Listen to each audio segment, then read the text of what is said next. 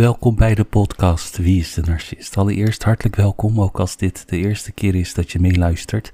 Dit kanaal is gewijd aan narcisme. En in de podcast van vandaag gaan we het hebben over narcistische ouders. Worden narcistische ouders beter op oudere leeftijd? Worden giftige ouders beter op oudere leeftijd? Of worden ze nog onuitstaanbaarder? Op dit podcastkanaal praten we veel over giftige of narcistische ouders, de leugens die ze hebben geleerd en hoe je kunt stoppen met het zoeken naar liefde en bevestiging van hen. Maar elke verkenning van de psychologie van een gewelddadige ouder zou onvolledig zijn zonder te begrijpen hoe mentale en fysieke frustraties die gepaard gaan met het ouder worden van invloed zijn op iemand met een toch al negatieve instelling. Heeft ouderdom een andere invloed op giftige ouders dan andere mensen? Hoe beïnvloedt veroudering de meeste mensen?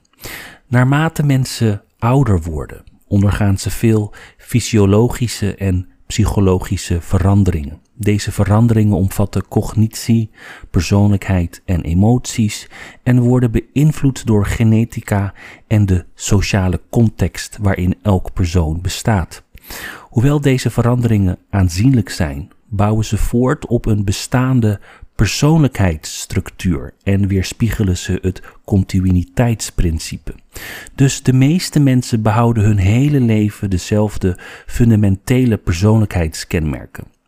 Wanneer mensen drastische persoonlijkheidsveranderingen ervaren naarmate ze ouder worden, is dit meestal te wijten aan ziekte, mentale stoornissen of andere ernstige omstandigheden. De ziekte van Alzheimer, frontotemporale dementie en andere vormen van dementie veroorzaken bijvoorbeeld vaak diepgaande psychologische verschuivingen. In feite is een verandering in persoonlijkheid het eerste symptoom van cognitieve achteruitgang, niet geheugenverlies. Dus mensen veranderen meestal niet ten kwade als ze ouder worden, tenzij ze ziek worden. Integendeel, de meeste mensen ervaren positieve veranderingen op oudere leeftijd, zoals een toegenomen gevoel van vrede, dankbaarheid en wijsheid. Dit is echter niet het geval bij een giftige ouder of een narcistische ouder. Maar laten we, voordat we dieper eh, op het onderwerp ingaan, ingaan op wat een giftige ouder eigenlijk is, of een narcistische ouder. Wat is een narcistische ouder? Toxische ouder is een overkoepelende term die narcistische, moeilijk beledigende, controlerende, wrede, kritische, manipulatieve, veel eisende, emotioneel onvolwassen, egoïstische en onredelijke ouders omvat. Het is het type ouders dat een constante psychologische bedreiging voor hun kinderen blijft tot ver in hun volwassenheid, tenzij de kinderen verstandig worden en de relatie verbreken. Het spreekt dus vanzelf dat een giftige ouder iemand is met ernstig, eh, ernstige emotionele gebreken. Om eerlijk te zijn, we hebben allemaal emotionele beperkingen en geen enkele ouder is perfect. We nemen allemaal onze toevlucht tot dysfunctionele gedragspatronen als we moe, gekwetst of gestrest zijn. En we worden allemaal getroffen door niet genezen wonden uit onze kindertijd. Maar er is een verschil tussen een systematisch gedragspatroon en een tijdelijke terugval. Giftige ouders vertonen consistent beledigend gedrag en ze worden vaak erger naarmate ze ouder worden. Laten we eens kijken waarom dat is. Hoe beïnvloedt ouderdom giftige ouders? Veroudering vormt een unieke uitdaging voor beledigende of controlerende types. Naarmate de ouders ouder worden, nemen hun dysfunctionele bewuste en onbewuste gedragingen uh, en houdingen toe. Dus tegen de tijd dat de giftige ouder hun gouden jaren bereikt, zijn ze misschien wel in de slechtste vorm van hun leven, fysiek, emotioneel en spiritueel. Houd rekening met deze leeftijdsgroep gebonden factoren die de bestaande psychologische problemen van de ouder nog uitdagender maken om mee om te gaan. Goed, laten we een aantal van deze punten bespreken. Allereerst de fysieke beperkingen. Ze kunnen te maken hebben met een chronische ziekte, pijn of een andere lichamelijke beperking. Dat kan ertoe leiden dat ze steeds afhankelijker worden van anderen, waardoor de ouder een hekel krijgt aan hun verzorgers en onredelijk veel eisend worden. Naarmate de ouder fysiek vermogen verliest, kunnen ze ook verbaal of emotioneel gewelddadiger worden om de controle als het ware terug te krijgen. Nummer 2. Cognitieve beperkingen. Ze kunnen cognitieve problemen hebben, zoals vergeetachtig zijn, niet in staat zijn om taken uit te voeren die ze normaal wel konden voltooien enzovoort. Dat kan er ook voor zorgen dat ze meer uithalen naar mensen dan voorheen. Nummer 3 is hun uiterlijk. Ze zien er niet meer uit zoals vroeger, dus ze kunnen geobsedeerd zijn door te proberen een jeugdige uitstraling te behouden. Dit geldt met name voor narcisten die het, moeilijk, uh, die het het moeilijkst hebben om ouder te worden. Ze zien rimpels en grijs haar als een kosmisch onrecht dat hen wordt aangedaan, niet als een natuurlijk proces dat iedereen uiteindelijk ervaart. En heel vaak zie je dit bij de somatische narcist, de verborgen narcist. Hè? Dus de somatische narcist heel erg veel bezig met het lichaam en uiterlijk. De verborgen narcist meer met gezicht dan lichaam. Nummer 4. Ingewortelde mentaliteit. Ze kunnen ongeduldiger en prikkelbaarder zijn dan voorheen. Hoewel onderzoek aantoont dat de meeste mensen emotioneel stabieler en aangenamer worden naarmate ze ouder worden, raken giftige individuen nog meer verankerd in de slachtoffermentaliteit of in de behoefte om anderen te controleren. Nummer 5. Echtelijke problemen. Ze hebben het misschien moeilijk in hun huwelijk of hebben een partner verloren. Dus nu voelen ze zich alleen, verlaten en bang voor de toekomst. Verlatingsangst is natuurlijk iets wat heel erg bij narcisten past. Hè?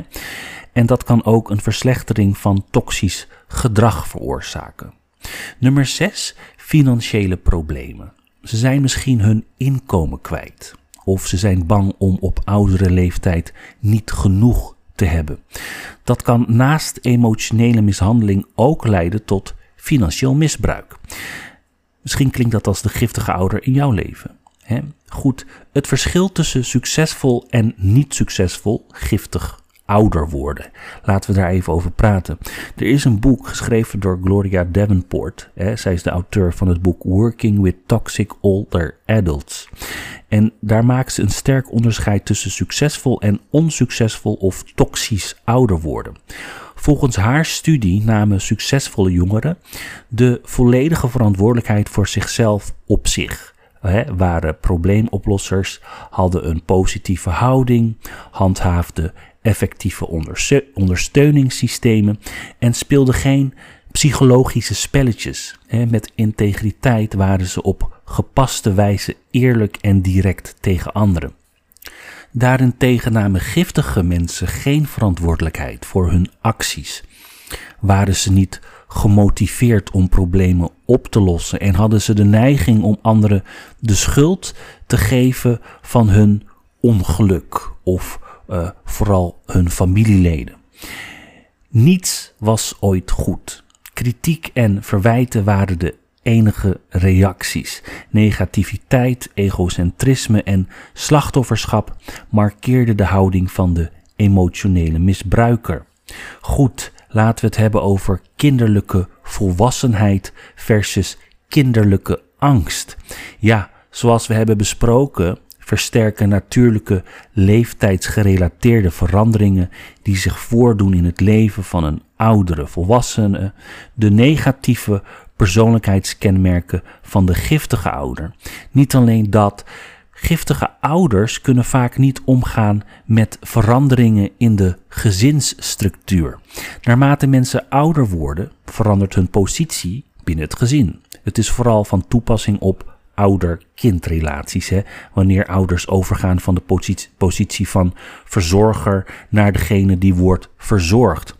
In het beste geval, hè, als kinderen opgroeien en hun eigen gezin stichten, bereiken ze het stadium van kinderlijke volwassenheid.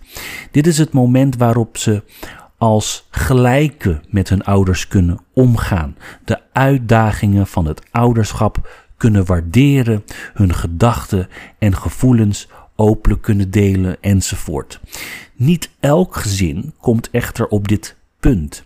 In gezinnen waar een uh, giftige ouder of beide ouders giftige eigenschappen vertonen, kunnen volwassen uh, kinderen zich ongemakkelijk, gestrest en angstig voelen over het ouder worden van hun ouders. Ze kunnen hun ouders steeds meer gaan zien als een last die ze moeten dragen. In dit geval maakt kinderlijke volwassenheid plaats voor kinderlijke angst. Kinderangst is de angst om voor bejaarde ouders te moeten zorgen. Dit gevoel van kinderlijke angst en kinderlijke verplichting wordt erger naarmate de ouder duidelijke tekenen van veroudering beginnen te vertonen, zoals verminderde mobiliteit, cognitieve achteruitgang enzovoort. Ook voor de lastige ouders die gewend zijn de touwtjes in handen te hebben, is dit een moeilijke overgang. Goed, dan wil ik nu iets uitleggen over het lege nest syndroom.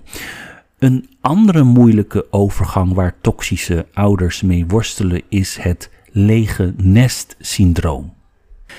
Het lege nest syndroom verwijst naar het verdriet dat ouders kunnen voelen over het verlies van hun identiteit als ouder en voogd.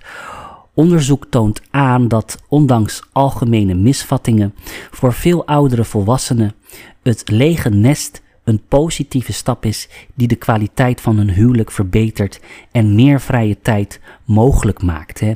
Giftige ouders die emotioneel verstrikt zijn in hun kinderen of die hun identiteit in hun ouderlijke rol hebben gewikkeld, hebben het echter moeilijk om te accepteren dat de kinderen zijn opgegroeid, gegroeid. Hè?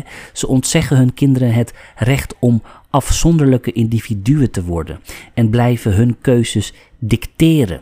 Veel giftige ouders zullen de afhankelijkheid van hun kinderen zelf aanmoedigen en openlijk of geheimelijk of verborgen bedoel ik, elke uiting van onafhankelijkheid straffen. Ze zullen ook de typische aanmatigende schoonfamilie worden die gewoonlijk invasief advies geeft of zichzelf invoegt in het persoonlijk leven van hun kinderen. Voor dit soort ouders kan het lege nest een pijnlijke ervaring zijn die hun neiging tot manipulatie en misbruik verergert. Goed, en dan wil ik er wel even bij zeggen dat het lege nest syndroom geen uh, officiële psychologische term is. Uh, het is eerder een algemene term voor een cluster van symptomen hè, die voortkomen uit dezelfde levensgebeurtenis. Goed, ik wil wel even uitleggen wat veel betekenende tekenen van het lege nest syndroom zijn. Hè. Het is misschien niet altijd uh, meteen duidelijk dat, dat, dat je uh, dit in de gaten hebt bij je ouders, uh, dat zij deze symptomen hebben van het lege nest syndroom.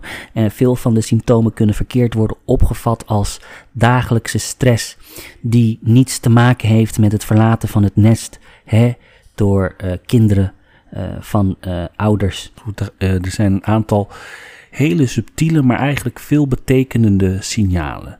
Um, een toename van frustratie en prikkelbaarheid, vooral tegen partner of kinderen ongemak door plotselinge verdwijning van de controle over de bewegingen en acties van het kind.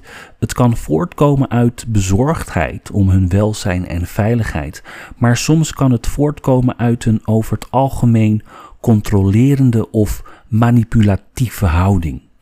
Gevoelens van angst en rusteloosheid als het kind een uh, vrij persoon wordt. Hè? Er kunnen andere factoren zijn die bijdragen aan deze emoties. Maar als het erger is geworden sinds uh, jij als kind bent verhuisd, is het waarschijnlijk een symptoom van het lege nest syndroom. Een ander signaal is verdriet en weinig energie na het vertrek van een kind. Gevoelens van spijt over opvoedingsfouten die deze giftige ouders hebben gemaakt tijdens het opvoeden van kinderen. Verdriet over het afscheid nemen van je leven eigenlijk als ouder. Dat zijn een aantal kenmerken, symptomen die erbij horen. En overigens uh, kan iedereen uh, uh, dit hebben, het lege nestsyndroom. Dus het is niet zo dat het alleen van toepassing is bij giftige ouders of narcistische ouders. Hè. Dus dit kan van toepassing zijn bij iedereen. Iedereen kan dit syndroom uh, krijgen. Ja, ik hoop dat het interessant was, lieve mensen. Dus om de vraag aan het begin van deze podcast te beantwoorden: nee.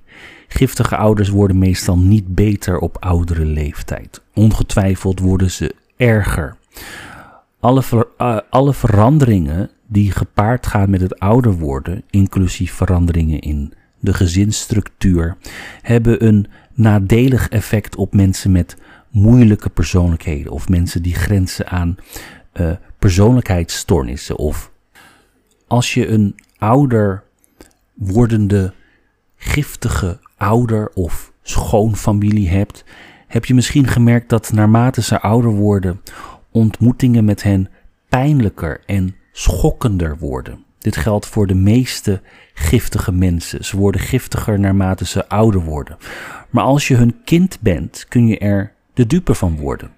Het is nog erger als je de verzorger bent van je moeilijke ouder. Hoewel je misschien van ze houdt en het beste voor ze wilt, kan het omgaan met hun steeds gewelddadige capriolen uh, absoluut ja, ondraaglijk aanvoelen. Hè? Dus het misbruik tolereren of jezelf beschermen en leven met een schuldgevoel. Dit is een keuze die ieder van ons op een dag moet maken en waarmee we moeten leven. Wat je ook besluit, onthoud dat je psychisch welzijn niet onderhandelbaar is en dat het uiteindelijk jouw verantwoordelijkheid is om jezelf te beschermen tegen schade. Dus ja, dat was het onderwerp voor vandaag, lieve mensen. Ik heb deze podcast gemaakt omdat ik een aantal comments heb gelezen van mensen die een uh, vragen over uh, hebben over goh, worden narcisten uh, erger als ze ouder worden. Dus ik hoop dat het die vraag beantwoordt. Als dat zo is, like deze video via het YouTube kanaal. Laat je bericht achter in, het in de commentbox via het YouTube kanaal. Abonneer op het kanaal, dat stel ik zeer op prijs. En ehm, Goed, bedankt voor het luisteren voor vandaag, lieve mensen. En tot de volgende keer.